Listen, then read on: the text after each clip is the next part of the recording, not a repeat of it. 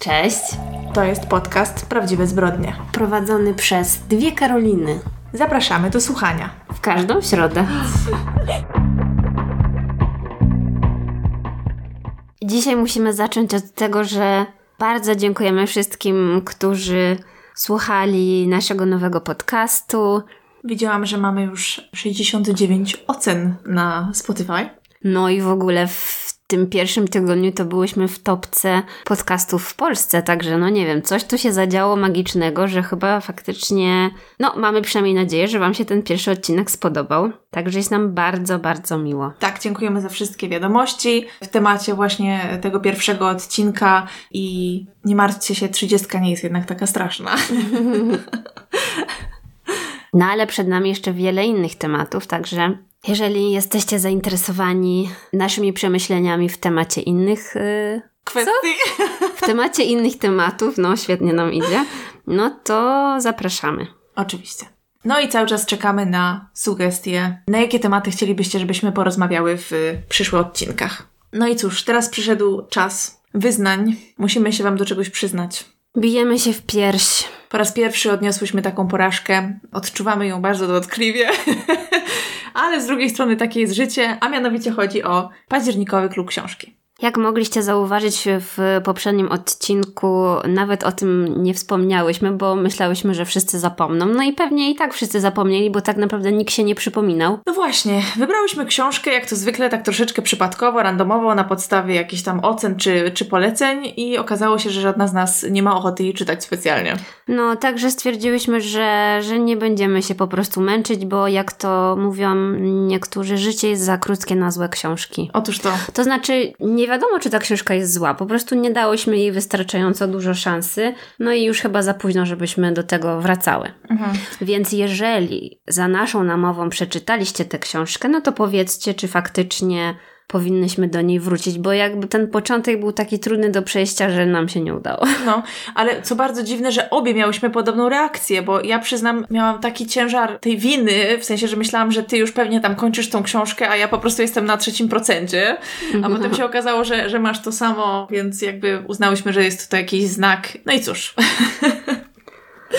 Mamy nadzieję, że jakoś nam wybaczycie. No więc właśnie podzieliłyśmy się tymi naszymi problemami z naszymi patronami, bo teraz jeszcze informacja dla patronów, którzy może nie sprawdzają swojej skrzynki mailowej, że ostatnio właśnie z tymi naszymi zmianami podcastowymi postanowiłyśmy też trochę odpicować Patronite'a i okazało się, że można tam podłączyć Discord. W sensie wiadomo, pewnie można już od dawna, ale my jakoś nie załapałyśmy tego, nieważne. Więc teraz uruchomiłyśmy Discorda dla naszych patronów. Już tam założyliśmy różne kanały podzielone na tematy, właśnie podcast Prawdziwe Zbrodnie, podcast Karoliny Kontra Życie i jeszcze osobny kanał na klub książki. No i tam właśnie rozmawiałyśmy, że no lektura październikowa troszeczkę nam nie weszła i nasza patronka poleciła nam, he, nie chemię, poleciła nam książkę Chemia Śmierci Simona Becketa.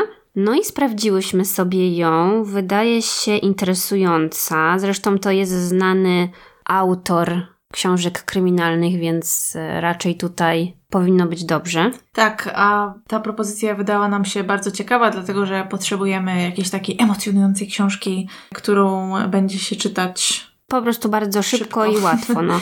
Dokładnie. A poza tym też na Legimi i pewnie na innych aplikacjach też jest dostępna w formie audiobooka i e-booka, także zawsze będziemy mogły skorzystać z tej opcji synchronizacji, że sobie trochę czytamy, trochę słuchamy, Kocham to, kocham no. to dokładnie. W taki sposób właśnie czytałam serię o komisarzu Mordce. Dokładnie tak. No bo jednak co, jak sprzątam, to sobie posłucham. No właśnie. Jak y, idę spać, to sobie poczytam. No i jest, jest dobry miks. No, dlatego wydaje mi się, że już tym razem nie będziemy mogły się od tego wywinąć i na koniec listopada omówimy tę tak. książkę na bank. Dokładnie. Bo nawet jak nam się nie będzie chciało jej czytać, tfu, tfu, to zawsze będzie można ją posłuchać. A w temacie patronów właśnie i Discorda, no to super, że już trochę osób się zdążyło tam zalogować, bo właśnie fajnie, jak dostaję powiadomienia, że coś tam, na razie w sumie dziewczyny głównie, coś tam dziewczyny piszą, także fajnie, podoba mi się takie czatowanie z patronami.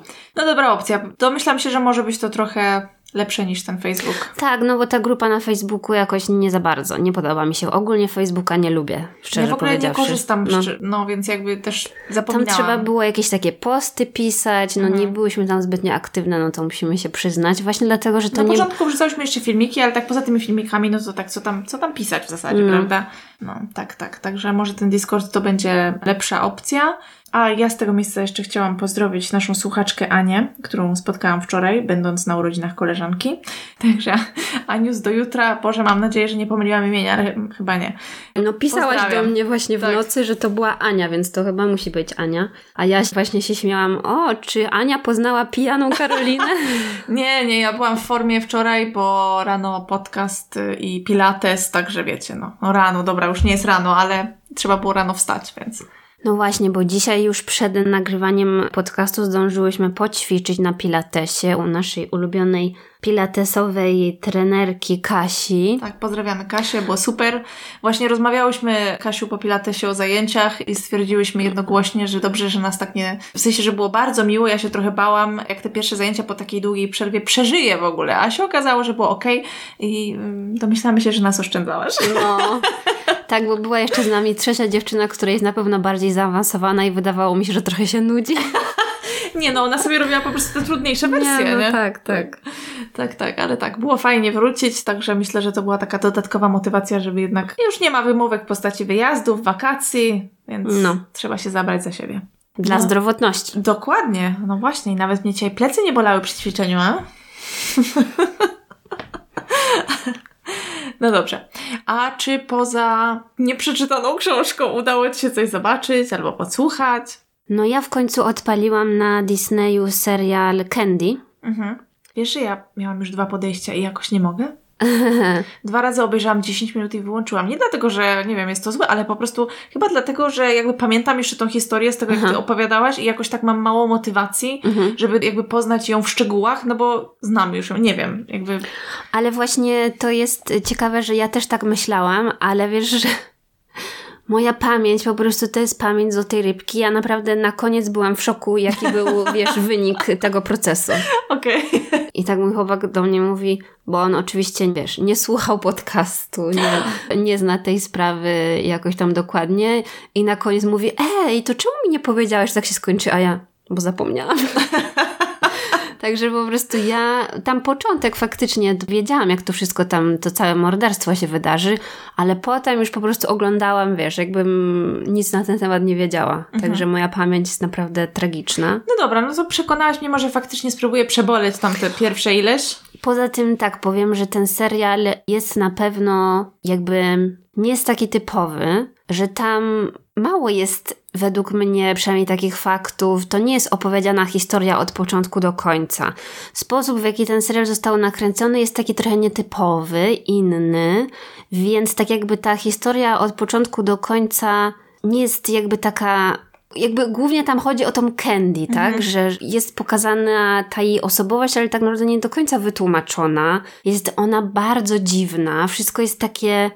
No w ogóle pierwsza scena Tak. już, jak ona tak blisko coś gada Tak, do tej kamery. tak. W ogóle jak ta aktorka wygląda jako Candy jest... No. y, Ale wiesz co jest najlepsze? Nie wiem, czy ty wiesz, że tam Justin Timberlake też gra. nie. No, ja nie wiedziałam tego, bo nie czytałam nic o tym i nagle tam w którymś odcinku wyskakuje Justin Timberlake e, tak ucharakteryzowany, że jakby mało przypomina siebie, ale tak mi się śmiać chciało, jak ja go zobaczyłam, myślę, wow, ale super. Justin! No, że, że go wkręciła też do tego serialu, także Jak wkręciła, no przecież Justin jest wybornym aktorem. no wiadomo, wiadomo. Ale nie no, chciałam powiedzieć, że po prostu jakoś ciężko mi się wysłowić, bo nie za bardzo do końca umiem ten serial rozgryźć. Nie przeczytałam w sumie na jego temat za dużo, a jak widać mój umysł nie pracuje dzisiaj. Ale chodzi o to, że nie jest taki mega wciągający. Przynajmniej dla mnie, dlatego że jakby wiedziałam, co się wydarzy, prawda, do pewnego momentu. Jest taki bardzo spokojny, taki trochę niepokojący, ale jak już tak wkręcisz się w ten styl, no to tak płynie. Mhm. Nie wiem, nie wiem, czy to jest dobra rekomendacja. Jest po prostu dziwny.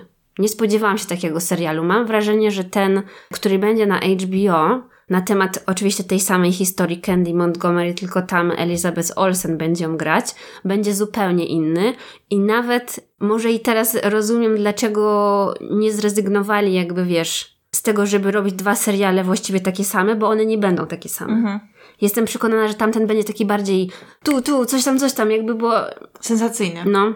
Bo na przykład tego ich romansu praktycznie w ogóle nie pokazali. Jakby nie było tam takich smaczków, Mhm. tylko bardziej skupili na tej takiej mrocznej stronie. A ja myślałam, że oni będą pokazywać, bo dla mnie ta sprawa była dość, przepraszam, ale taka zabawna, nie? Że, bo ja pamiętam właśnie dużo z tego ich randkowania, że ta Candy spotykała się z nim w tym motelu, że robi, przygotowywała jakieś tam lunche, coś tam, a tu w ogóle tego nie pokazywali. Tak zupełnie, ja sobie zupełnie inaczej te sprawy wyobrażałam. Mhm. Okej. Więc mam wrażenie, że ten serial na HBO będzie właśnie bardziej z, zgodny z tymi moimi wyobrażeniami.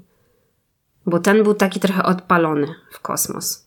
Ale już zakończę ten temat, bo nie mogę jakby zakończyć. Ciężko, prawda? Tak, tak, no. No tak, to ja też dzisiaj chciałabym porozmawiać z Wami o serialu, który był w ostatnim czasie niesamowicie popularny na Netflixie. Produkcja Netflixa, oczywiście chodzi mi tutaj o Dahmer, Potwór, historia Jeffrey'a Dahmera. A myślałam, że o tym nie będziemy mówić. Wiesz co, stwierdziłam, że powiem, bo czemu nie? Jakby wiem, że był popularny i... Nie, nie, chodzi mi o to, że jakby, bo tutaj dużo osób do nas na temat tego serialu pisało Tak. i my tak, y, ja w sumie to postanowiłam zignorować ten temat. Mhm. No ale dobra, powiedz. E, Tak, no chcę powiedzieć o swoich przemyśleniach właśnie z racji tego, że, że jakieś tam wiadomości na ten temat y, widziałam. Obejrzałam sześć odcinków, A, to sporo, bo ja chyba obejrzałam, nie wiem, tylko może jeden czy dwa.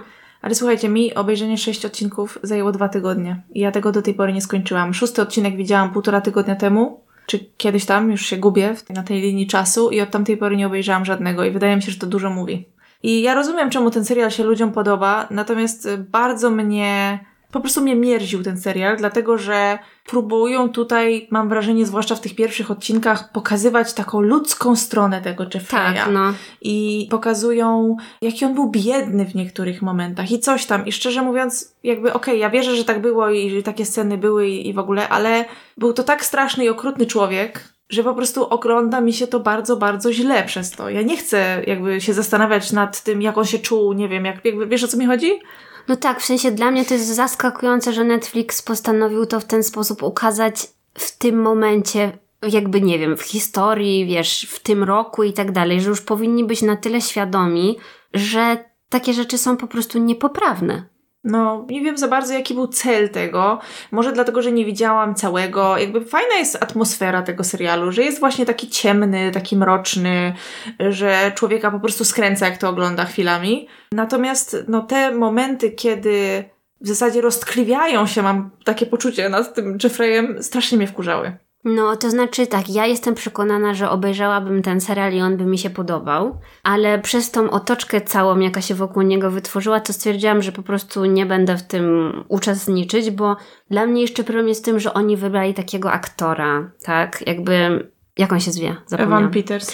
Evan Peters, który no jest fajnym aktorem, ja go lubię Ja też go lubię, no, przyznaję. i on ma bardzo duży fanbase, wydaje mi się, no i przez to, że on się wciela w taką rolę, no to już zaraz, nie wiem, tam dziewczyny wzdychają w internecie, no takie to jest wszystko... No właśnie, jest coś bardzo takiego niekomfortowego dla mnie i takiego niepokojącego w całej tej sytuacji. I nie wiem dokładnie o co mi chodzi, bo jakby umówmy się, oglądałyśmy już tyle seriali o seryjnych mordercach. Przecież ten z HBO, jak on się nazywa, już teraz zapomniałam. Des.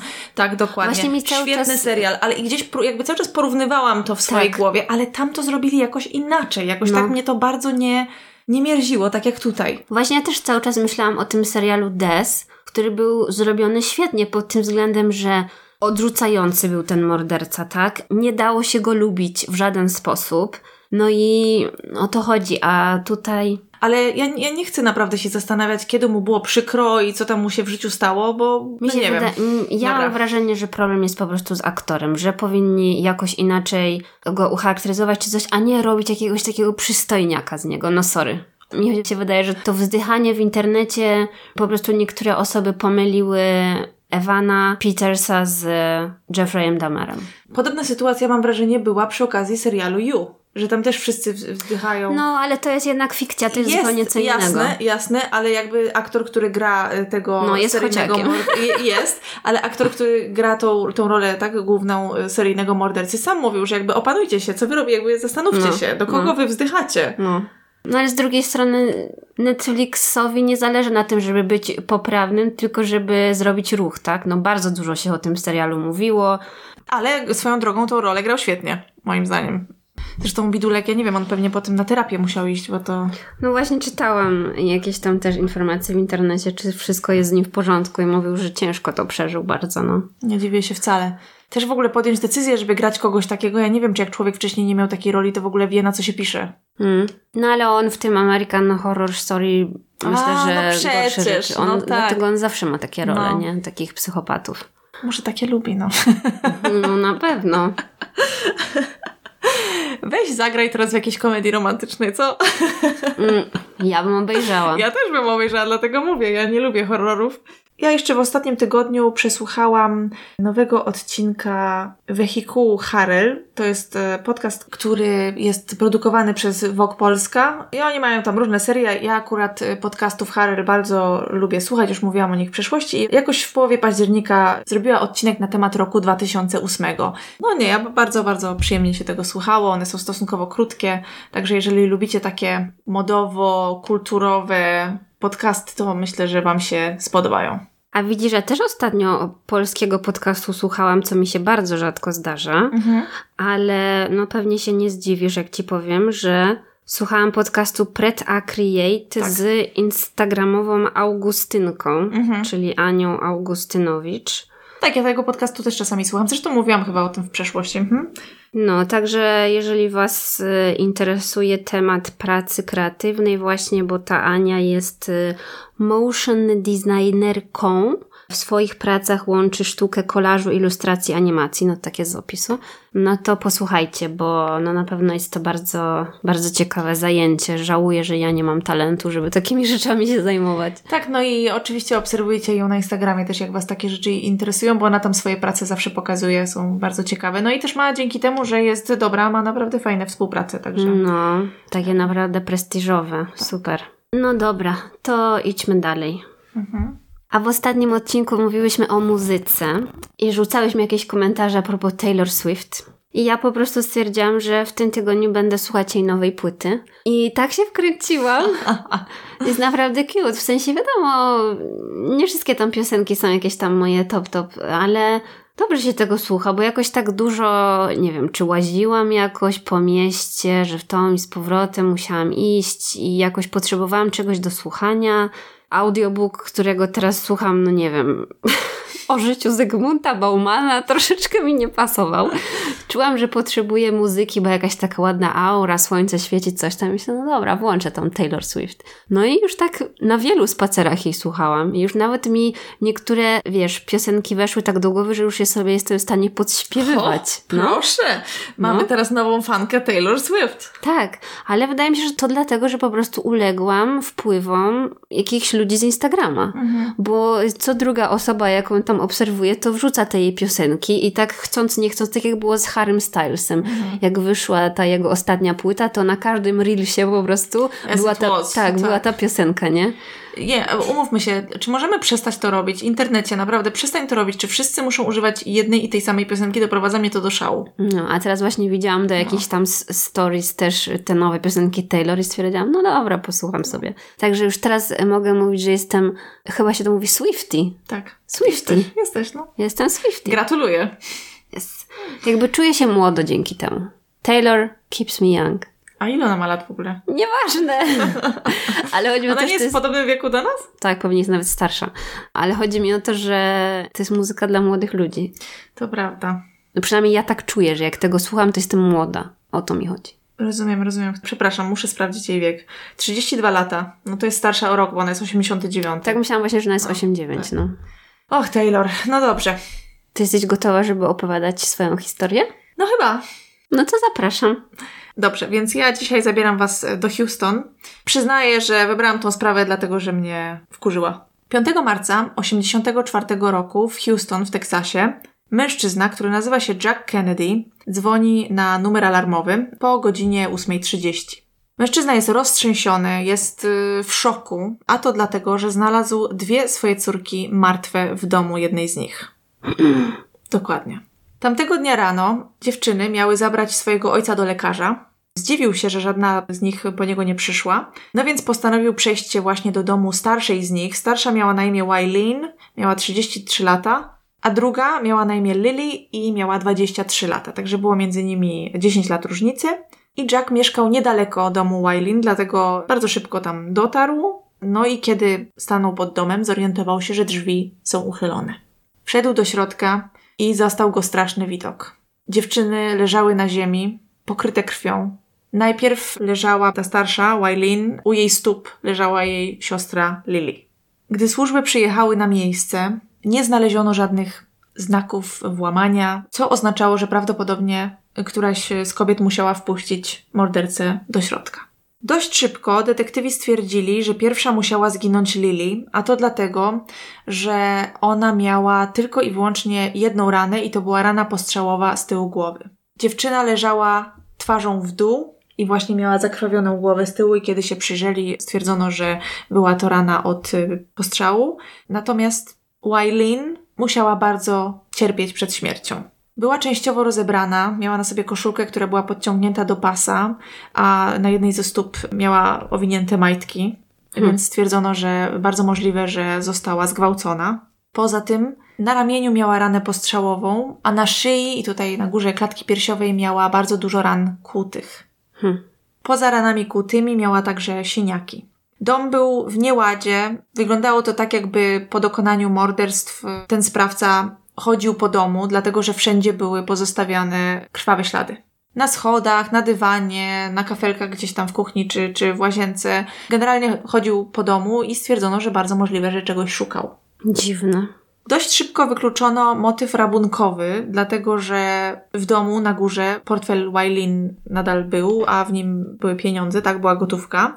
Natomiast y, zawartość torebki Lily była rozrzucona po podłodze w kuchni bodajże, z tego co pamiętam, i brakowało jej portfela. Brakowało natomiast jednej rzeczy, która dość szybko rzuciła się w oczy i była to poduszka, takie wiesz, oparcie z sofy. Jakby ktoś zabrał jedną poduszkę z sofy. Co? Tak. Dziwne. Oczywiście Zabezpieczono dokładnie ślady, zebrano odciski palców i kiedy zaczęto przeczesywać okolice, odnaleziono właśnie tą brakującą poduszkę.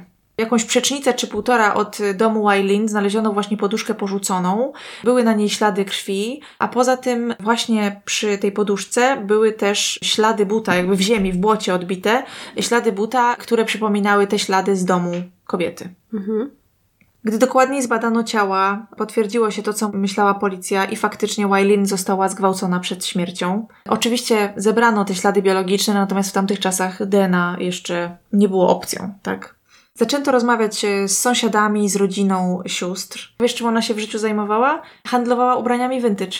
Z relacji znajomych i sąsiadów Policja dowiedziała się, że Eileen czasami handlowała narkotykami, a poza tym u niej w domu znaleziono małe ilości takich rzeczy jak marihuana, kokaina i tego typu.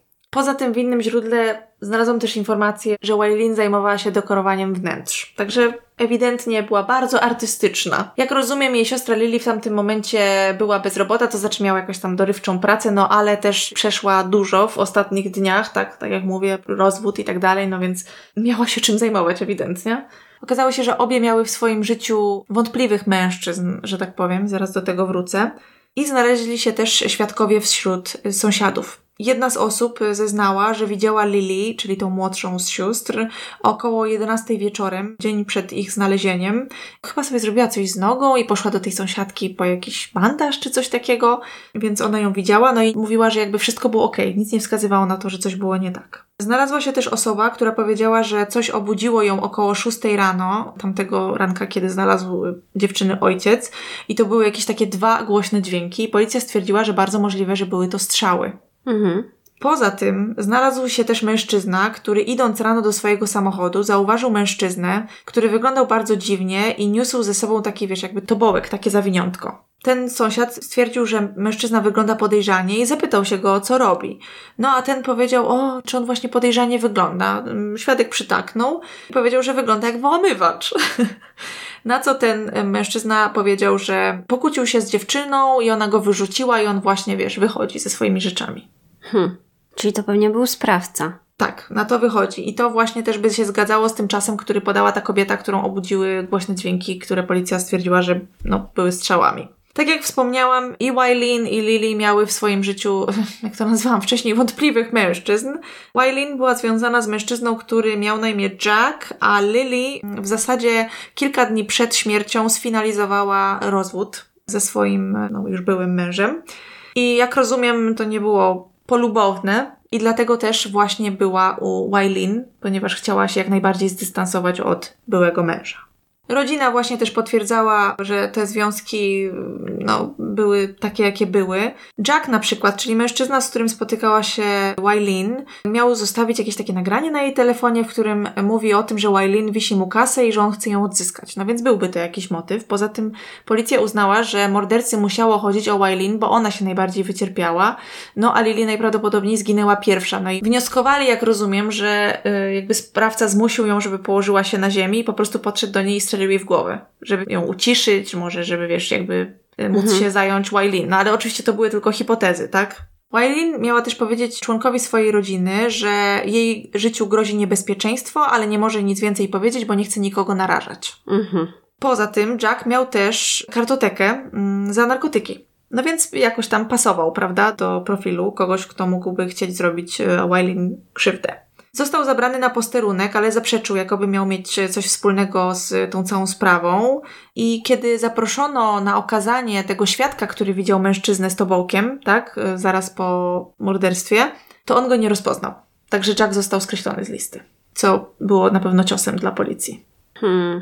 No ale mógł się pomylić. E, jasne, oczywiście, no wiadomo, mieli tą listę, tak, no ale w jakiś tam sposób wykluczali. Były mąż Lily również został jakby wykreślony z listy podejrzanych, dlatego że przed śmiercią sióstr przeszedł operację kręgosłupa, no i e, jakby chodził o kulach szpital to potwierdził, tak, były papiery na to, że miał taką operację i on po prostu nawet fizycznie mógłby nie być w stanie e, no tak. czegoś takiego zrobić. Dzięki temu, że mieli tego świadka, który widział podejrzanego mężczyznę w okolicy domu Wylin w poranek morderstwa, można było stworzyć podobiznę, tak? I ona została pokazana w mediach, no i policja zaczęła dostawać bardzo dużo różnych informacji od y, obywateli. No i oczywiście część z tych osób została wykreślona, no ale znalazł się mężczyzna, który pasował do opisu i też mieszkał w pobliżu, a poza tym był znanym w okolicy dealerem.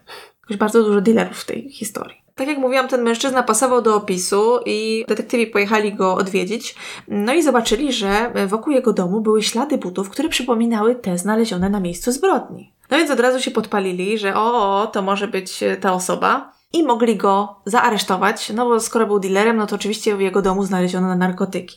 W jego zamrażarce znaleziono LSD, no co dało właśnie ten pretekst do aresztowania, a poza tym w domu tego mężczyzny znaleziono też broń palną i duży nóż. Znowu zorganizowano okazanie, zaproszono świadka, yy, który widział tego podejrzanego mężczyznę w dzień morderstwa. No i znowu nie rozpoznał tego dealera. Co więcej, tego podejrzanego poddano testowi poligrafem, który przeszedł pozytywnie, a jeszcze, żeby jakby dołożyć tym biednym detektywom, specjaliści wykluczyli, że te ślady dookoła jego domu to są te same ślady, które zostały zostawione w domu sióstr. Hmm, to same problemy. Tak. Oczywiście zbadano też broń palną, no i oczywiście też stwierdzono, że nie została ona użyta w tym morderstwie. No i cóż, brakowało jakiegokolwiek punktu zaczepienia. Nie mieli już w zasadzie, wiesz, czego się chwytać. Y, coraz mniej informacji otrzymywali. Nie było z czym pracować te wszystkie odciski palców i tak dalej, które zebrali na miejscu zbrodni, też na nic się nie zdały. No, poza tym umówmy się też z tymi śladami buta, no bo to był taki ślad po bucie sportowym. Nie wiem w sumie, ile rodzajów butów ma taką podeszwę. Nie, nie wiem, na ile to był faktycznie taki ślad, który mógłby coś im dać. No ale też, no, no nic z tego, co mieli, im się nie przydało. Sprawa stała się zimna, jak to ostatnio powiedziałam. I mijały lata, nic się w niej nie działo. W międzyczasie rodzice dziewczyn umarli, nigdy nie dowiedzieli się, co stało się z ich córkami, więc jak rozumiem, ojciec był prześladowany wspomnieniami z tamtego dnia do końca swojego życia. Miał koszmary i tak dalej, więc no straszna rzecz. W 2009 roku detektywi, którzy zajmują się takimi nierozwiązanymi sprawami właśnie, postanowili wrzucić DNA znalezione na miejscu zbrodni do specjalnej bazy danych, do takiej krajowej bazy z DNA właśnie i oczywiście wiązali z tym jakieś nadzieje, no ale to też nie przyniosło żadnych skutków. Nie było żadnych dopasowań. Oczywiście rodzina e, Wailin i Lily co jakiś czas odzywała się do policji właśnie w sprawie morderstwa, czy coś jest robione, czy wpadli na jakieś nowe tropy. W 30. rocznicę śmierci właśnie na policję zadzwoniła Jackie i to jest e, dziewczyna, która jest albo bratanicą, albo siostrzenicą e, Wailin i Lily. Ona zresztą oczywiście miała mnóstwo dobrych rzeczy do powiedzenia na ich temat, bo ona była dzieckiem, jak one zginęły i zapytała się, co się dzieje jakby w tej sprawie. No i był detektyw, który się nią zainteresował. Ten pan miał na nazwisko Motard i postanowił udać się jakby z tą sprawą znowu do mediów, licząc, że może ktoś jakby się pojawi, no bo przejrzał te wszystkie akta, no i niestety nie było tam żadnego punktu zaczepienia, tak? Jeżeli DNA nie zadziałało, no to nie bardzo mieli z czym pracować, więc właśnie poszedł do lokalnych mediów, ale znowu, niestety nikt się nie zgłosił. Aż w pewnym momencie, w 2014 roku, do detektywa dzwoni mężczyzna, który jest adwokatem, i ten adwokat mówi, że jego klient, który jest e, aktualnie w więzieniu za jakiś niezwiązany, wiesz, kryminał, ma coś do powiedzenia na temat tej sprawy. Oczywiście ten mężczyzna nie chciał rozmawiać przez telefon, więc detektyw musiał udać się do Indiany osobiście. Gdy tam poleciał, okazało się, że opłaciło się to, ten mężczyzna wskazał Edmonda Degana jako sprawcę morderstwa Wailin i Lily. Powiedział, że w 1984 roku był świadkiem, jak Edmond pokazał się z rzeczami zawiniętymi w taki koc, wiesz, jak oni to nazywają quilt, nie? Taki patchworkowy koc, powiedzmy. Mhm. Taka narzuta. narzuta no. Tak, dokładnie. I w tym zawiniątku miał rzeczy, które wyglądały jak zawartość damskiej torebki, mhm. E, typu właśnie dokumenty i tak dalej. Rozpalił ognisko i właśnie wrzucił te rzeczy do ogniska. Poza tym wziął też od tego typa, który był w więzieniu i opowiadał to wszystko detektywowi teraz młotek, wyciągnął broń i tą broń rozbił tym młotkiem. W międzyczasie robił takie komentarze w stylu o, coś poszło źle, nie wiedział, że tak trudno jest kogoś zabić i tak dalej. Boże. No, dokładnie.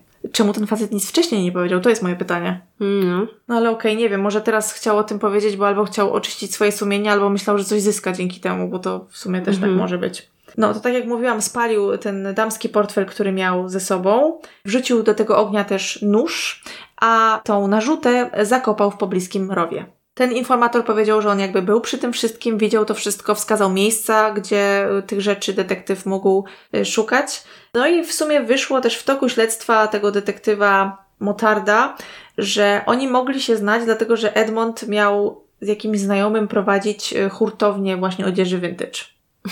Dziwne. Prawda? No właśnie, ale o tej odzieży mówili w programie On the Case with Paula Zahn. No, to też jest jakiś taki program na Investigation Discovery, z tego co wiem.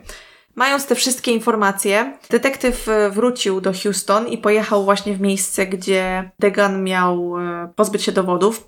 No niestety nic nie znalazł, po prostu upłynęło zbyt dużo czasu, tak? Nawet ten kod w rowie, no prawdopodobnie został po prostu wymyty przez wodę, która tam była. A ile to dokładnie było lat? No do morderstwa doszło w 84, a to było już 2014. Czyli 20-30 lat? Tak, tak, a, tak, no tak, dokładnie, dokładnie.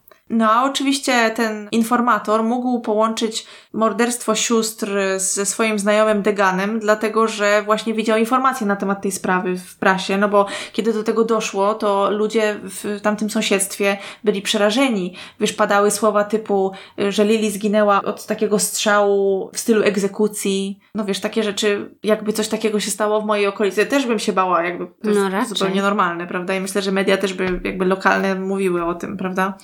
Sprawdził też kartotekę tego podejrzanego nowego, no i okazało się, że też tam miał różne przygody i właśnie w tej kartotece były informacje o kradzieżach na przykład. Nadal mieszkał w Houston, miał w tamtym momencie bodajże 57 lat, no i detektyw najpierw skontaktował się z jego matką i później udał się na spotkanie z y, tym mężczyzną, z Deganem. I akurat Degan był wtedy w domu, który remontował no i kiedy detektyw do niego poszedł, to rozmawiali spokojnie. Powiedział, że tak, że znał Wailin, ale oczywiście powiedział, że nie ma nic wspólnego z tą całą y, sytuacją. Powiedział też, że nigdy nic między nimi nie było w sensie romantycznym. Policjant, ten pan detektyw, oczywiście zapytał też go, czy kiedykolwiek uprawiali seks. Mądry pan detektyw, prawda, żeby mieć wszystko potem nagrane. On zaprzeczył, powiedział, że nigdy seksu nie uprawiali. I wtedy detektyw zaprosił go na posterunek. Oczywiście w duchu licząc na to, że zdobędzie próbkę DNA. Mhm. Prawdopodobnie miał za mało na to, żeby zdobyć nakaz, prawda? No bo jeżeli miałby wystarczająco, to by się nie martwił, czy Degan mu to da, czy nie, bo mógłby zdobyć nakaz i wtedy tą próbkę DNA musiałby mu dać, prawda? Jak znaleźli się już na posterunku, to detektyw powiedział Deganowi wprost, że ktoś go wskazał jako mordercę tych sióstr. On oczywiście powiedział, że nie, że w ogóle absolutnie zaprzeczał tam i zgodził się na danie próbki DNA. Mm, no nie wiem, może zapomniał o tym, że policja mogła mieć taką próbkę, zapomniał o tym, co zrobił, albo myślał, że po prostu nikt tej próbki wtedy nie zebrał, bo jeszcze DNA nie było, prawda? Mhm. Próbki te zostają wysłane do porównania, no i faktycznie okazuje się, że istnieje bardzo wysokie prawdopodobieństwo, że to Degan był sprawcą. Tak, bo jak rozumiem z tych materiałów, z tych śladów biologicznych, które zebrano na miejscu zbrodni, uzyskano później, tam w tym 2009 bodajże, częściowy profil DNA. Nie wiem, czy cały im się udało.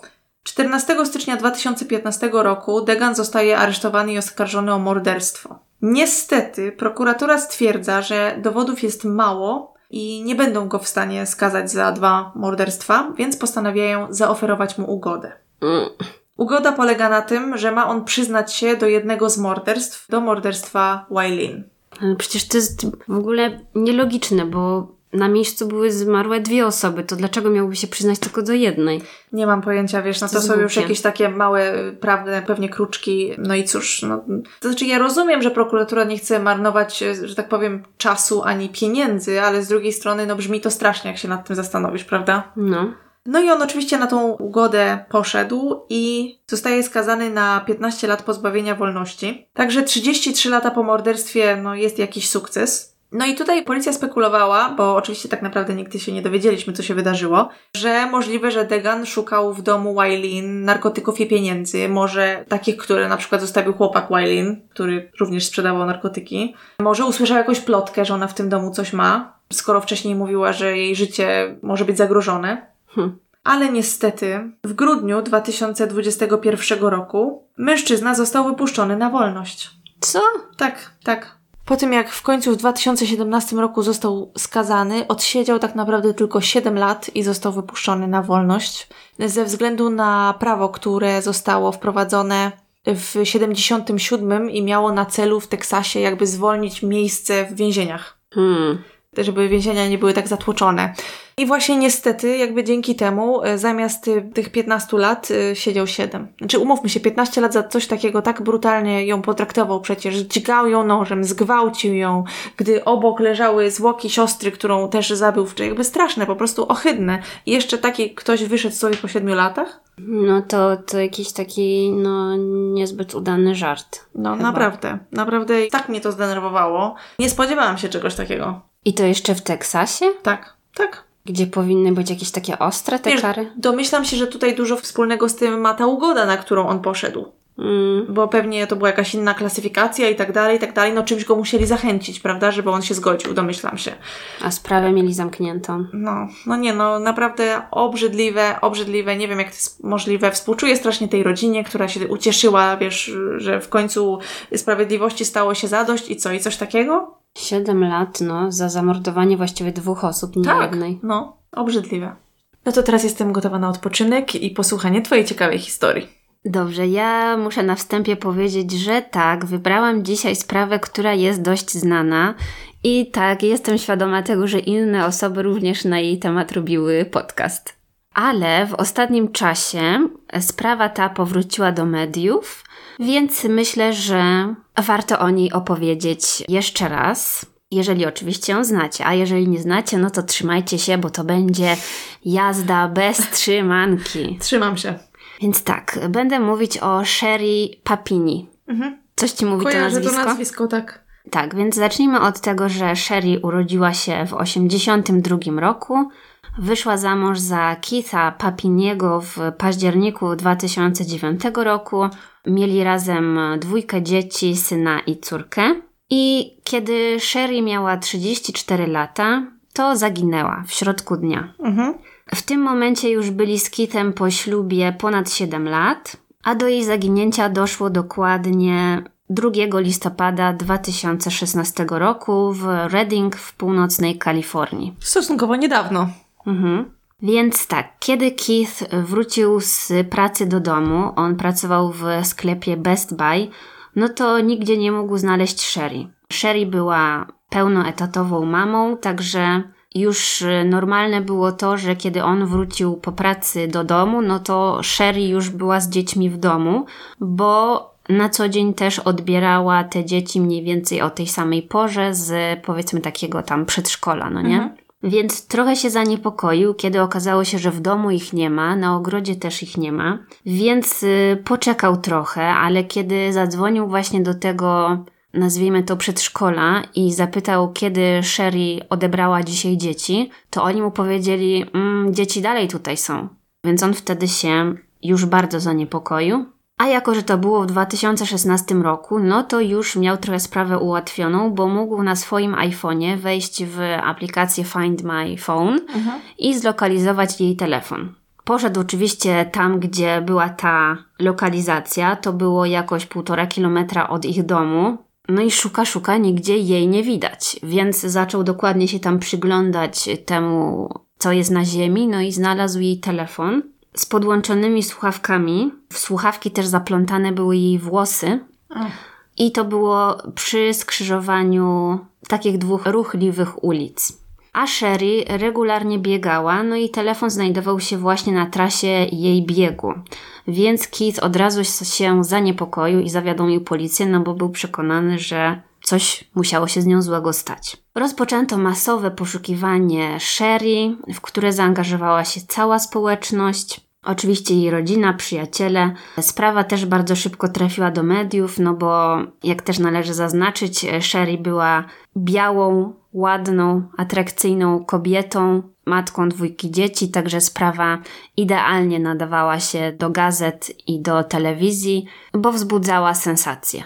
W związku z tym też Keith bardzo często występował przed kamerami, udzielał różnych wywiadów, płakał, był bardzo poruszony, był załamany zaginięciem Sherry. No i on właściwie postanowił mówić o tym jak najwięcej, bo po prostu nie chciał, żeby, no wiesz, ludzie o niej zapomnieli, żeby cały czas ta sprawa była właściwie na językach, po to, żeby może znalazła się jakaś osoba, która by mhm. mogła coś na ten temat powiedzieć. Początkowo oczywiście policja musiała sprawdzić Keitha, no bo jeżeli zaginęła kobieta, która miała męża, no to wypadałoby się temu mężowi przyjrzeć.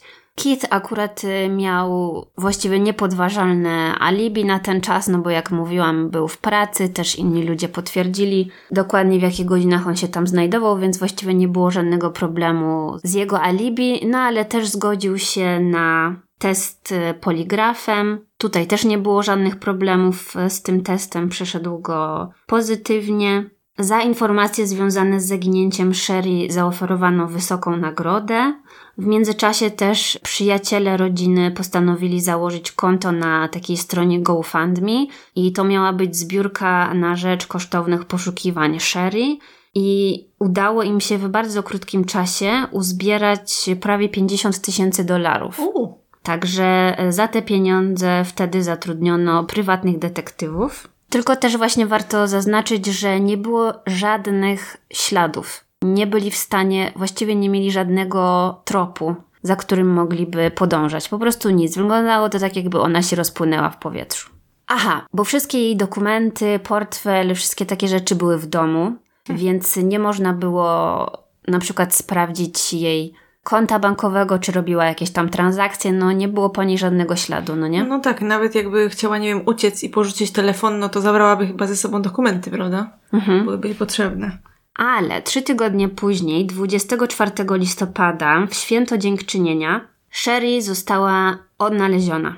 Znalazła się na autostradzie około 230 km od tego miasta Reading, niedaleko Sacramento. I tak, e, znalazł ją przy drodze jakiś kierowca ciężarówki, który zadzwonił na numer alarmowy i powiedział, że znalazł właśnie na poboczu kobietę, która jest w bardzo złym stanie. No i ja słyszałam nagranie z tego telefonu i tam Sherry również rozmawia z dyspozytorką, która właśnie zadaje jej jakieś tam pytania i Sherry jest naprawdę w bardzo złym stanie. Ona tam, wiesz, krzyczy, piszczy, płacze, jest po prostu przerażona, mówi pomocy, pomocy, wiesz, no mhm. strasznie to brzmi. Oczywiście od razu tam wysłano karetkę, policję i przewieziono ją do szpitala. Sherry była cała posiniaczona, miała rany na całym ciele, była wychudzona, ważyła zaledwie 39 kg. Miała tak bardzo brzydko obcięte włosy, a wcześniej miała długie blond włosy. Poza tym, że była zakrwawiona, to jeszcze miała jedną rękę przykutą jakoś za plecami. No i co? Po wstępnych takich oględzinach Sherry musiała oczywiście porozmawiać z policją, ale była bardzo tak negatywnie do policji nastawiona, bardzo się ich bała, nie chciała z nimi rozmawiać, chciała tylko rozmawiać ze swoim mężem. Więc trochę to zajęło, zanim Sherry się oswoiła. Dlatego jej mąż e, musiał być właściwie obecny przy tych wszystkich jej przesłuchaniach. No i po jakimś czasie udało jej się powiedzieć, że została porwana przez dwie latynoskie kobiety, które przyjeżdżały obok niej furgonetką, kiedy ona poszła pobiegać. I one zatrzymały się, zagroziły jej, kazały jej wsiąść do samochodu. Ona nie wiedziała, gdzie pojechała, bo oczywiście nic nie widziała w tym samochodzie. Potem została przetrzymywana w jakimś miejscu, też nie wie gdzie, bo też cały czas nic nie widziała. No i tam torturowały ją, głodziły. I po tych trzech tygodniach magicznie zmieniły zdanie i ją wypuściły. Hmm. Dlatego udało jej się wrócić do domu. Co jeszcze bardziej przerażające, okazało się, że Sherry została naznaczona. To znaczy, miała z tyłu na ramieniu wypalony wers z Biblii Exodus 21:16. No i jak potem się dowiedziano, jest to wers, który nawiązuje do porwania, bo podobno tam w Biblii jest takie zdanie w tym miejscu: jeśli ktoś kogoś porwał, powinien zostać ukarany śmiercią. Policjanci, którzy ją zobaczyli w tym stanie, byli naprawdę przerażeni i zaniepokojeni, bo też słyszałam, jak się wypowiadali, że oni się po prostu dziwili, że ona wyszła z tego cało, że mhm. jej obrażenia były tak silne, że byli w szoku, kto mógłby coś takiego jej zrobić.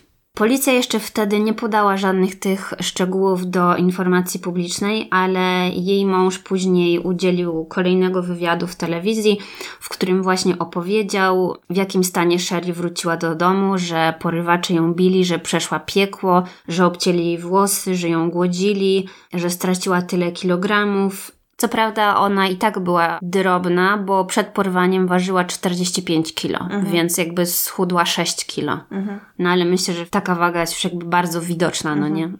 No tak jak mówiłam, Sherry została poddana oględzinom w szpitalu, ale co ciekawe, tego samego dnia została wypisana. Na własne życzenie? Nie, nie, nie. W szpitalu pobrano próbki DNA z jej ubrań, bo podobno cały czas miała na sobie te same ubrania przez okres tych trzech tygodni. No i zachowano je z nadzieją, że uda im się znaleźć match. Sprawa wzbudziła wielkie zainteresowanie wśród mediów i właściwie nie dawali im spokoju. Wiesz, cały czas czyhali na Sherry, na Keitha, tam pod ich domem i tak dalej, więc y, Sherry i Keith postanowili, razem oczywiście z dziećmi, przenieść się do sekretnej lokalizacji, żeby uniknąć całego tego chaosu, żeby Sherry mogła dojść do siebie. Więc tak, oni się zapadli pod ziemię. To, co powiedziała Sherry policji, właściwie też nie za bardzo dawało im pole do popisu, bo wiedzieli, że mają szukać dwóch latynoskich kobiet, ale żadnego rysopisu nic. No tak, to trochę mało. Więc ten brak informacji spowodował, że powstało wiele różnych teorii na temat tej sprawy. W końcu ten komentarz o naznaczeniu też jakoś tam wypłynął do mediów. No i przez to ludzie na przykład zaczęli spekulować, że być może jej porwanie było częścią jakiejś operacji handlu seksualnego, mhm. bo podobno właśnie w tamtym miejscu, no niestety, jak to ktoś tam chyba z policji powiedział, no mieliśmy problem z tym handlem o. seksualnym. Okej. Okay. Ale Problem. też to się za bardzo nie zgadzało, no bo na przykład po co ktoś miałby porywać w celach właśnie tutaj handlu i kobietę głodzić, siniaczyć, okaleczać jej ciało. No jakkolwiek okrutnie by to nie zabrzmiało, ona musiałaby być atrakcyjnym towarem, mhm. a w tym momencie nie była. Mhm. No, więc to też troszeczkę tutaj nie pasowało.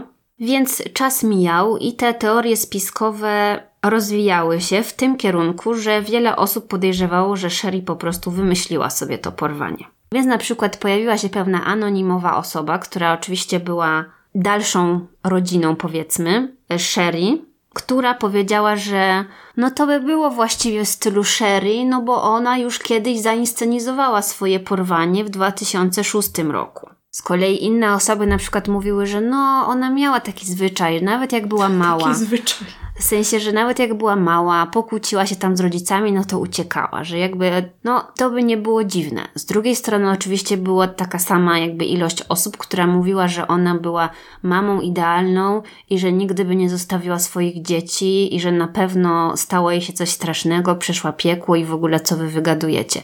Tak więc to było tak porówno.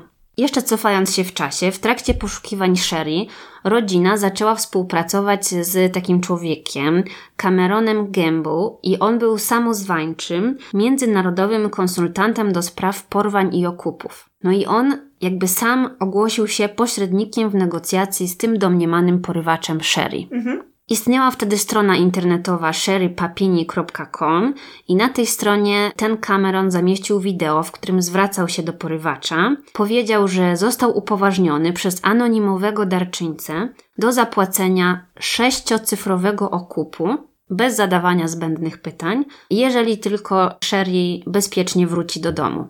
No i wtedy 24 godziny później właśnie w to święto dziękczynienia, Sherry pojawiła się na tej autostradzie, no nie? Mhm. Więc tutaj jakby ten koleś, Cameron, twierdził, że to jest jego zasługa, że ona się znalazła, ale z drugiej strony nikt nie prosił o żadne pieniądze. Mhm. I jakby temat tego okupu ucichł. I to też było dość podejrzane. I ogólnie też wiele złych rzeczy na temat tego Camerona Gambu wyszło że on był jakimś tam oszustem i że tak naprawdę chciał się na sprawie Sherry wypromować, no bo ona była nagłośniona w całej Ameryce. No troszkę tak to brzmi z tego, co mówisz, że faktycznie jego celem mogła być promocja. Mhm. Dodatkowo też ciekawe jest to, że porwanie Sherry było bardzo podobne do innego zaginięcia dziewczyny z tej samej okolicy, z którą Sherry chodziła swego czasu do liceum bo ta dziewczyna zaginęła podczas właśnie joggingu, kiedy miała 16 lat,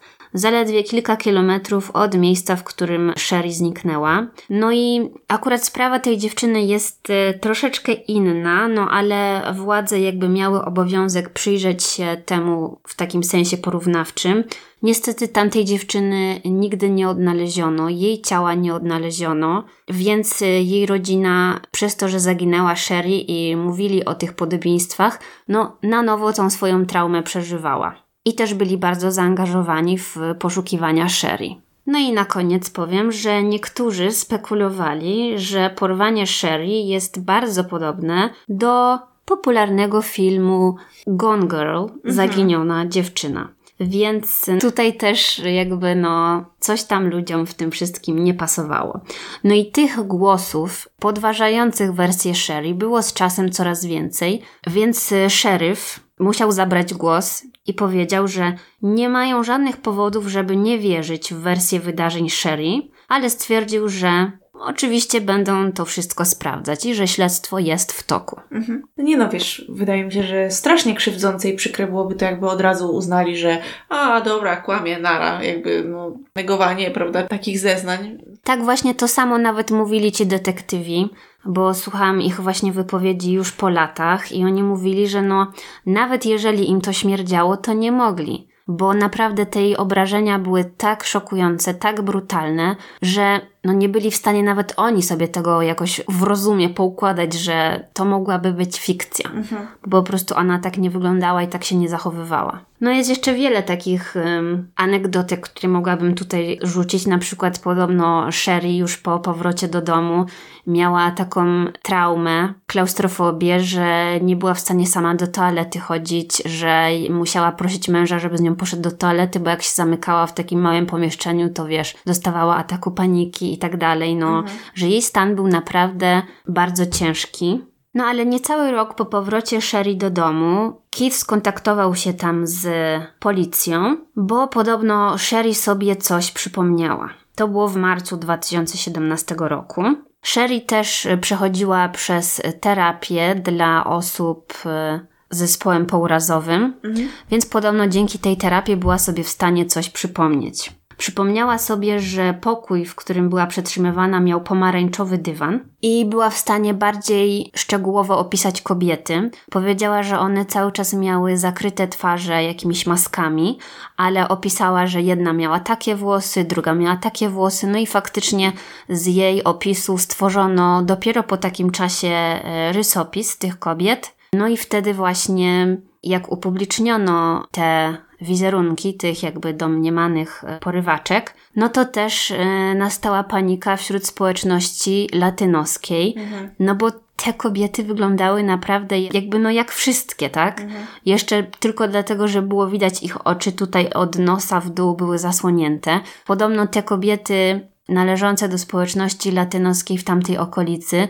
bały się jeździć swoimi samochodami typu SUV, że zaraz będą wzięte za podejrzane. Podobno nie chodziły parami, mhm. wiesz, żeby nie było, że o, widziałem tutaj takie dwie kobiety. Także to też. Nie dziwię się, że, że taka panika nastała, bo wiem, jak to wygląda. No właśnie. W międzyczasie też wyszło na jaw, że Sherry miała już w przeszłości problemy trochę psychiczne, trochę z prawem, bo odnaleziono nagranie z telefonu alarmowego, w którym jej matka dzwoni i mówi, że Sherry się okalecza i próbuje oskarżyć matkę o to, że ta matka się nad nią znęca. Więc no, jak dowiedziano się o tym, no to stwierdzono, że hmm, może byłaby w stanie sobie zrobić jakąś krzywdę, no. No ale wiadomo, potrzeba do tego jakichś dowodów. I w kwietniu 2017 roku nastąpił kolejny przełom, bo szeryf wydał oświadczenie, że otrzymali wyniki badań DNA, z których y, wynika, że na jej ubraniach znaleziono DNA męskie i żeńskie. No i to też nie zgadzało się z jej wersją wydarzeń, ponieważ ona cały czas utrzymywała, że była torturowana przez dwie kobiety, zatem skąd by się wzięło tam DNA mężczyzny? Oczywiście przetestowali to z DNA Keitha, no i wykluczyli. Mhm. No ale z drugiej strony, jeżeli napastnicy czy też ci porywacze byli zamaskowani, to może po prostu w stresie źle rozpoznała jedną z osób. To też jest możliwe, prawda? No w sumie tak, tak no jest no. to możliwe. Mhm. Ale tak, od tego 2017 roku, kwietnia, do marca 2002 roku właściwie była cisza. Pozostawały tylko spekulacje, ale Sherry i Keith za bardzo się nie wychylali, oni sobie żyli spokojnie, po cichu, żeby nie zwracać na siebie uwagi. Liczyli na to, że po prostu sprawa ucichnie, a Sherry będzie mogła wrócić do normalnego życia. Niedoczekanie, jak rozumiem. No tak, bo dopiero właśnie w marcu 2020 roku śledczy mieli macza, jeżeli chodzi o DNA. Ale tak, z tym też była sprawa. Dopasowanie? Mhm. z tym też była sprawa bardziej skomplikowana, bo w ich bazie takiej normalnej, policyjnej bazie DNA nic nie znaleźli. No i przez to, że bardzo liczyli na to, że uda im się właśnie dzięki tym próbką DNA sprawę rozwiązać, to zwrócili się z wnioskiem o to, żeby mieć dostęp do tych amerykańskich baz danych, tych bardziej komercyjnych, czyli z tych wszystkich stron, do których ludzie się sami zgłaszają, mhm. jakby, mhm. żeby poznać swoje pochodzenie. No i ta baza jest naprawdę olbrzymia, oczywiście. No i właśnie dzięki temu, że dostali do niej dostęp, no to byli w stanie znaleźć krewnego. Nie stuprocentowy match, ale kogoś z rodziny. Okazało się, że DNA pasowało do ojca byłego chłopaka Sherry. Ha. Więc no tutaj już wiadomo, że to nie był przypadek. I właśnie dlatego odnośnie Twojej sprawy ja mówiłam o tym zbieraniu śmieci, mhm. bo właśnie mi się to skojarzyło z tym, co ja będę mówić, bo e, śledczy zaczaili się właśnie pod domem tego byłego chłopaka Sherry. On nazywał się James Raceup. I właśnie z jego śmieci zabrali butelkę z jakimś tam napojem. No i z tej butelki byli w stanie pobrać DNA. Jak to porównali, to się okazało, że pasuje w 100%. Oczywiście bardzo szybko zaprosili Jamesa na rozmowę. Pytali właśnie, czy utrzymuje kontakt z Sherry, czy słyszał o jej porwaniu, na na na na. No oczywiście on szedł w zaparte. No jasne. Mówili, że chyba ponad godzinę z nim rozmawiali, wiesz, bili pianę, a on nic. I dopiero kiedy oni mu powiedzieli, że no słuchaj, znaleźliśmy twoje DNA na jej ciuchach, no to o co tutaj chodzi? Czy ty ją porwałeś? No to jeżeli on już widział, że ryzykuje tym, że sam zostanie oskarżony, no to postanowił powiedzieć im całą prawdę. James wyjaśnił, że on jedynie chciał pomóc Sherry uciec. Powiedział, że on tylko pomógł Sherry uciec z domu, bo ona powiedziała mu, że jest w przemocowym związku, że Keith się nad nią znęca i że policja nie jest w stanie nic z tym zrobić. Policja w jej mieście jej w ogóle nie chce pomóc, więc y, no on stwierdził, że no okej, okay, no to w takim razie on jej pomoże, tak? Miał do niej sentyment, bo spotykali się w 2006 roku, czyli no 10 lat wcześniej. Byli wtedy zakochani, no i ewidentnie miał jeszcze do niej jakieś tam uczucia. No i chyba liczył na to, że coś z tego będzie. Rozmawiali przez dwa miesiące przed y, porwaniem tym umownym. Sherry poinstruowała go, żeby korzystali z takich telefonów na kartę, więc wyszło na to, że Sherry zaplanowała swoje porwanie, powiedziała mu, żeby przyjechał po nią 2 listopada. On w ogóle mieszkał w Costa Mesa. To była miejscowość zlokalizowana daleko, daleko od miejsca, w którym Sherry mieszkała. Ona go poinstruowała, żeby zostawił swój telefon w domu i żeby wynajął samochód. Mhm. A to też pozostawia ślad, wynajem samochodu. No tak, jakby no dotarli później do tego, ale no żeby nikt nie wiedział, że swoim samochodem jedzie, nie? Kiedy James dotarł do umówionego miejsca, no to miał czekać na znak od Sherry na tym swoim telefonie na kartę.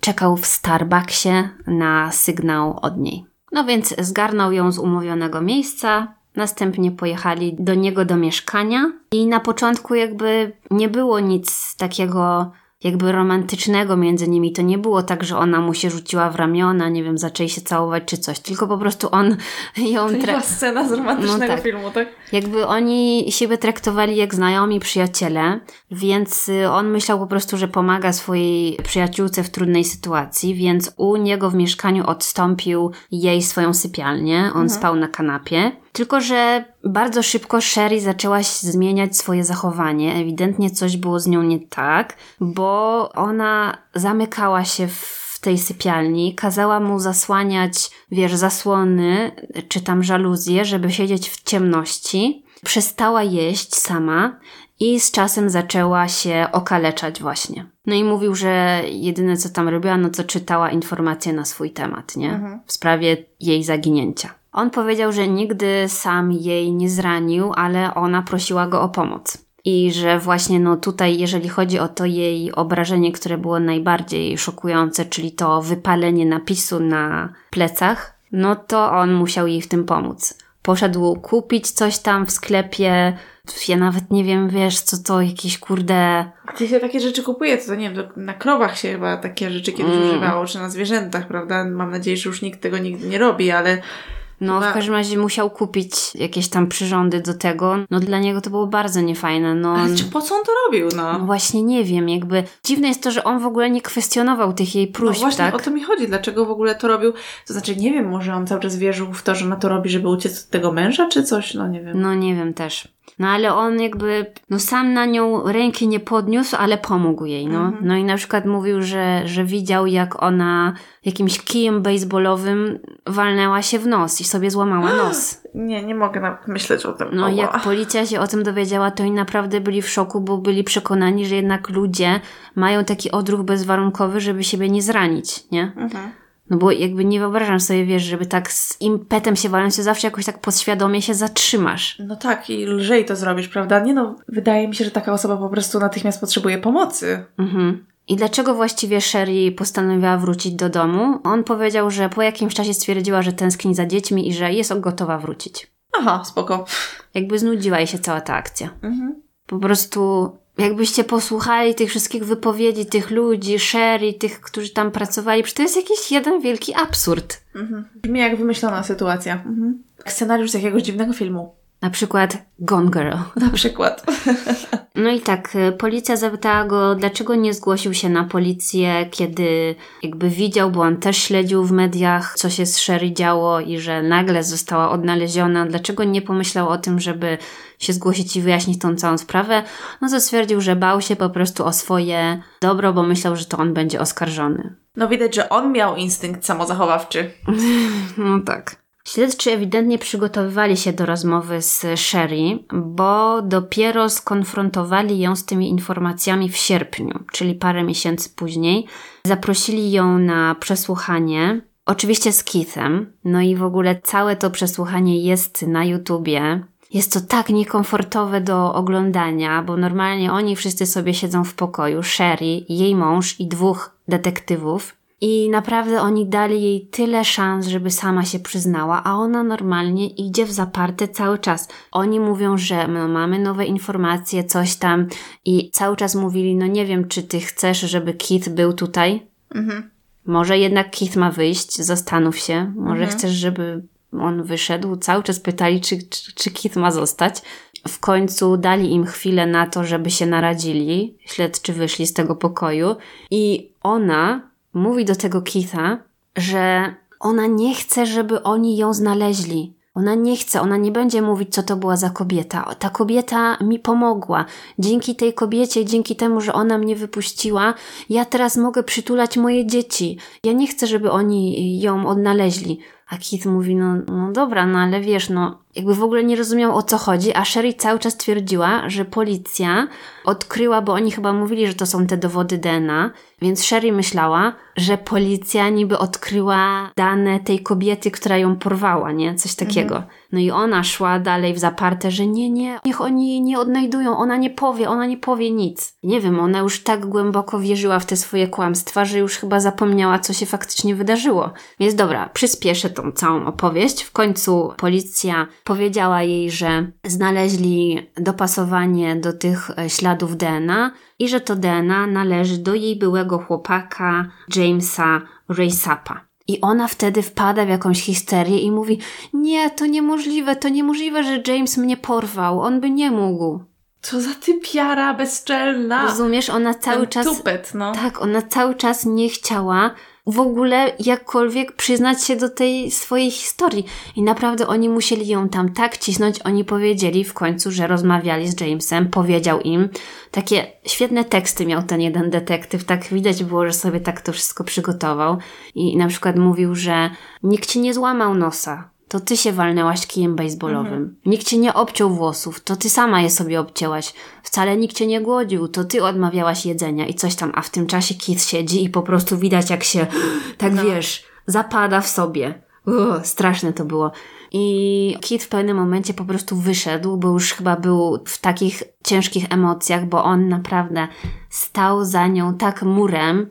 Najgorsze w tym wszystkim jest to, że on został tak upokorzony że on jej po prostu wierzył, wspierał ją i nagle się okazuje, że ona po prostu od niego chciała uciec jeszcze nagadała temu, że mąż się nad nią znęca, wiesz, on tutaj świecił oczami, płakał za nią w telewizji, a ona coś takiego zrobiła, po prostu tragedia. Więc on już nie mógł tego znieść, wyszedł. I kiedy jakby ci detektywi podczas tego przesłuchania cały czas jej przypominali, że kłamanie, składanie fałszywych zeznań to jest przestępstwo. Więc jakby lepiej się zastanów, bo to, co teraz robisz, to jest przestępstwo. No już to, któryś raz. Tak, no to ona już wtedy jakby naprawdę długo, długo to zajęło i ona w końcu zmiękła. Podsumowując, tutaj teoria śledczych była taka, że Sherry wymyśliła całą tą historię, żeby zwrócić na siebie uwagę, że przebywała u swojego byłego chłopaka przez 22 dni, po czym postanowiła po prostu wrócić do domu. Koniec zabawy. Tak. Co ciekawe, jakby to przesłuchanie było w 2020 roku, a dopiero 3 marca 2022 roku Sherry Papini została aresztowana. Mhm. Więc też rozumiem, chociaż tutaj chyba też pandemia, domyślam się, pokrzyżowała im jakieś plany, też pewnie przygotowywanie tego wszystkiego, no jednak tutaj musieli bardzo takie drobne luki prawne znaleźć, żeby ten akt oskarżenia przygotować, bo nie ma czegoś takiego w prawie jak zakaz e, swingowania swojego porwania, prawda? Mhm. Więc tutaj musieli... Skru... No ale należy jej się jakaś kara, przepraszam, to co zrobiła, mhm. ile pieniędzy podatników tak, zmarnowała, no właśnie, czasu, właśnie. który mogli poświęcić na inne sprawy. No dokładnie, więc minęło 6 lat od jej zaginięcia, zanim została aresztowana. Została oficjalnie oskarżona o składanie fałszywych oświadczeń funkcjonariuszowi organów ścigania, oraz zaangażowanie się w oszustwa pocztowe. I za to, wyobraź sobie, groziło jej maksymalnie 25 lat więzienia Sporo. i pół miliona dolarów grzywny. Również e, razem z tym aresztowaniem w marcu tego samego roku podano do informacji publicznej właśnie, że DNA znalezione na ubraniu Sherry e, pasowało do jej byłego chłopaka, że ten chłopak James potwierdził, że Sherry przybywała u niego w mieszkaniu, kiedy wiesz, cały świat, właściwie cała Ameryka jej szukała. Sześć tygodni po aresztowaniu Sherry podpisała ugodę. Przyznała się do popełnionych zarzutów, więc tutaj nie było potrzeby rozpoczynania takiego oficjalnego procesu. I we wrześniu tego roku, właśnie dlatego mówiłam na początku, że sprawa ostatnio z powrotem trafiła do mediów, no bo pod koniec właśnie września 2022 roku zapadł wyrok w jej sprawie i ona została skazana na 18 miesięcy więzienia i grzywnę w wysokości 300 tysięcy dolarów. No i podobno te 18 miesięcy to jest bardzo dużo, bo nawet podobno strona oskarżycieli nie wnosiła o tak dużo, że to sędzia zadecydował, że należy jej się 18 miesięcy, prawdopodobnie po to, żeby dać jej nauczkę. Żeby przykład z niej zrobić, że to jest mhm. taka precedensowa sprawa, żeby, że tak powiem, zniechęcić jakichś jej następców, tak? Że mhm. Nie ma co robić z policji, z organów ścigania debili, bo jakby no za to będzie jakaś kara. Nie no, to jest skandal, daj spokój. No ale tak, w swoim oświadczeniu Sherry już na sam koniec przeprosiła wszystkich za ból, e, który sprawiła swojej rodzinie i przyjaciołom. Powiedziała, że jest głęboko zawstydzona za to swoje zachowanie.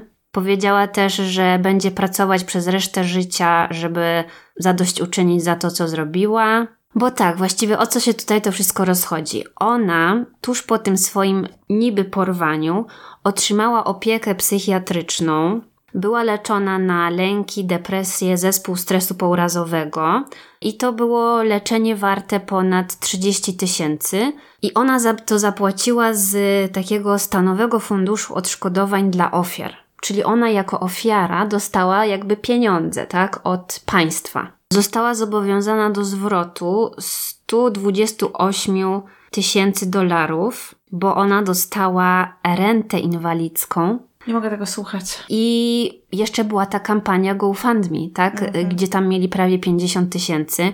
No tak, jakby się nad tym zastanowić, to ten sędzia dobrze zrobił, bo jeżeli faktycznie tyle korzyści, cudzysłów oczywiście, może wypływać ze sfingowania, z jakiegoś tam porwania czy jakiejś tragedii, no to faktycznie to mhm. są na pewno tacy, którzy by się na to pokusili, jak widać. No tak, bo właśnie część tej kampanii GoFundMe została wydana jakoś tam wtedy na początku na tych prywatnych detektywów, ale jakby no nie wydali tego za dużo. Mhm. Po czym okazało się, że oni musieli się szczegółowo rozliczyć potem z tych pieniędzy i okazało się, że no jakoś tam opłacali właśnie jej terapię też ale również y, wydali te pieniądze nie tyle na remont domu, co chyba gdzieś tam wyczytałam, że nie wiem, zamontowali sobie w całym domu jakieś żaluzje, czy rolety, czy coś takiego. Coś no, dla ale, bezpieczeństwa, tak? No, znaczy nie wiem, czy dla bezpieczeństwa, czy bardziej dla prywatności, czy po prostu to było ich jakaś tam zachcianka, może chcieli mieć ładne zasłony, nie wiem.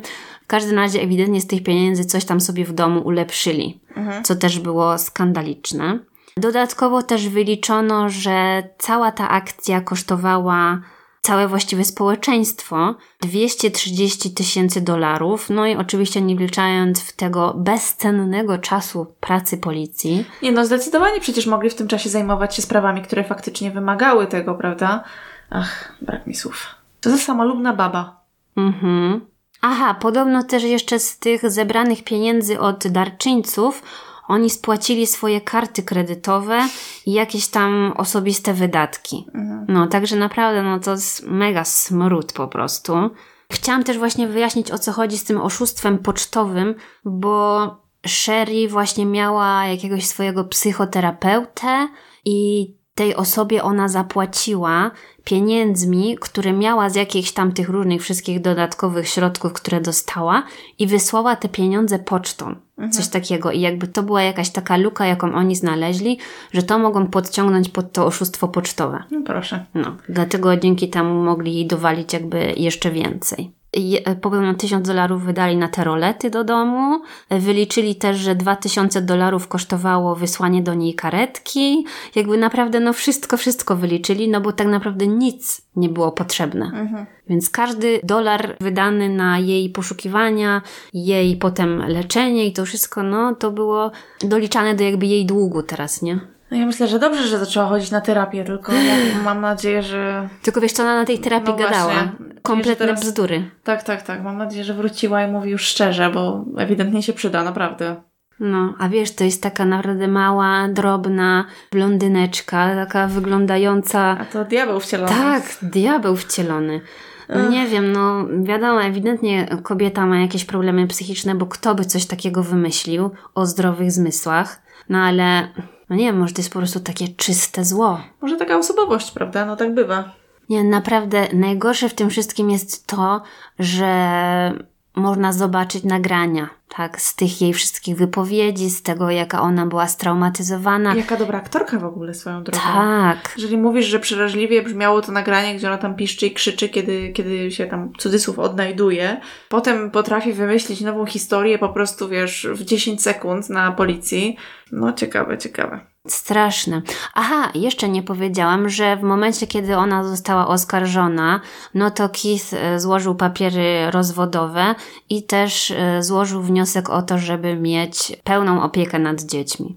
Także jak to gdzieś tam skwitowali, to chyba będzie dla niej największa kara, e, jeżeli zostanie pozbawiona opieki nad dziećmi, no bo Niestety jest to też kara dla jej dzieci. Tak, I to się tak. będzie za nimi też ciągnąć całe życie, to jest najgorsze, bo no oczywiście Kita też mi szkoda, no ale w tym wszystkim niestety te dzieci są chyba najbardziej poszkodowane. No, że w ogóle matka postanowiła od nich uciec, bo miała jakąś taką dziwną zachciankę.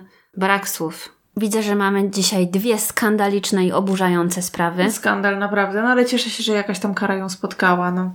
Także koniecznie napiszcie nam, co na ten temat myślicie i czy też podzielacie nasze święte oburzenie. Dokładnie. I do usłyszenia w kolejnym odcinku. Do usłyszenia.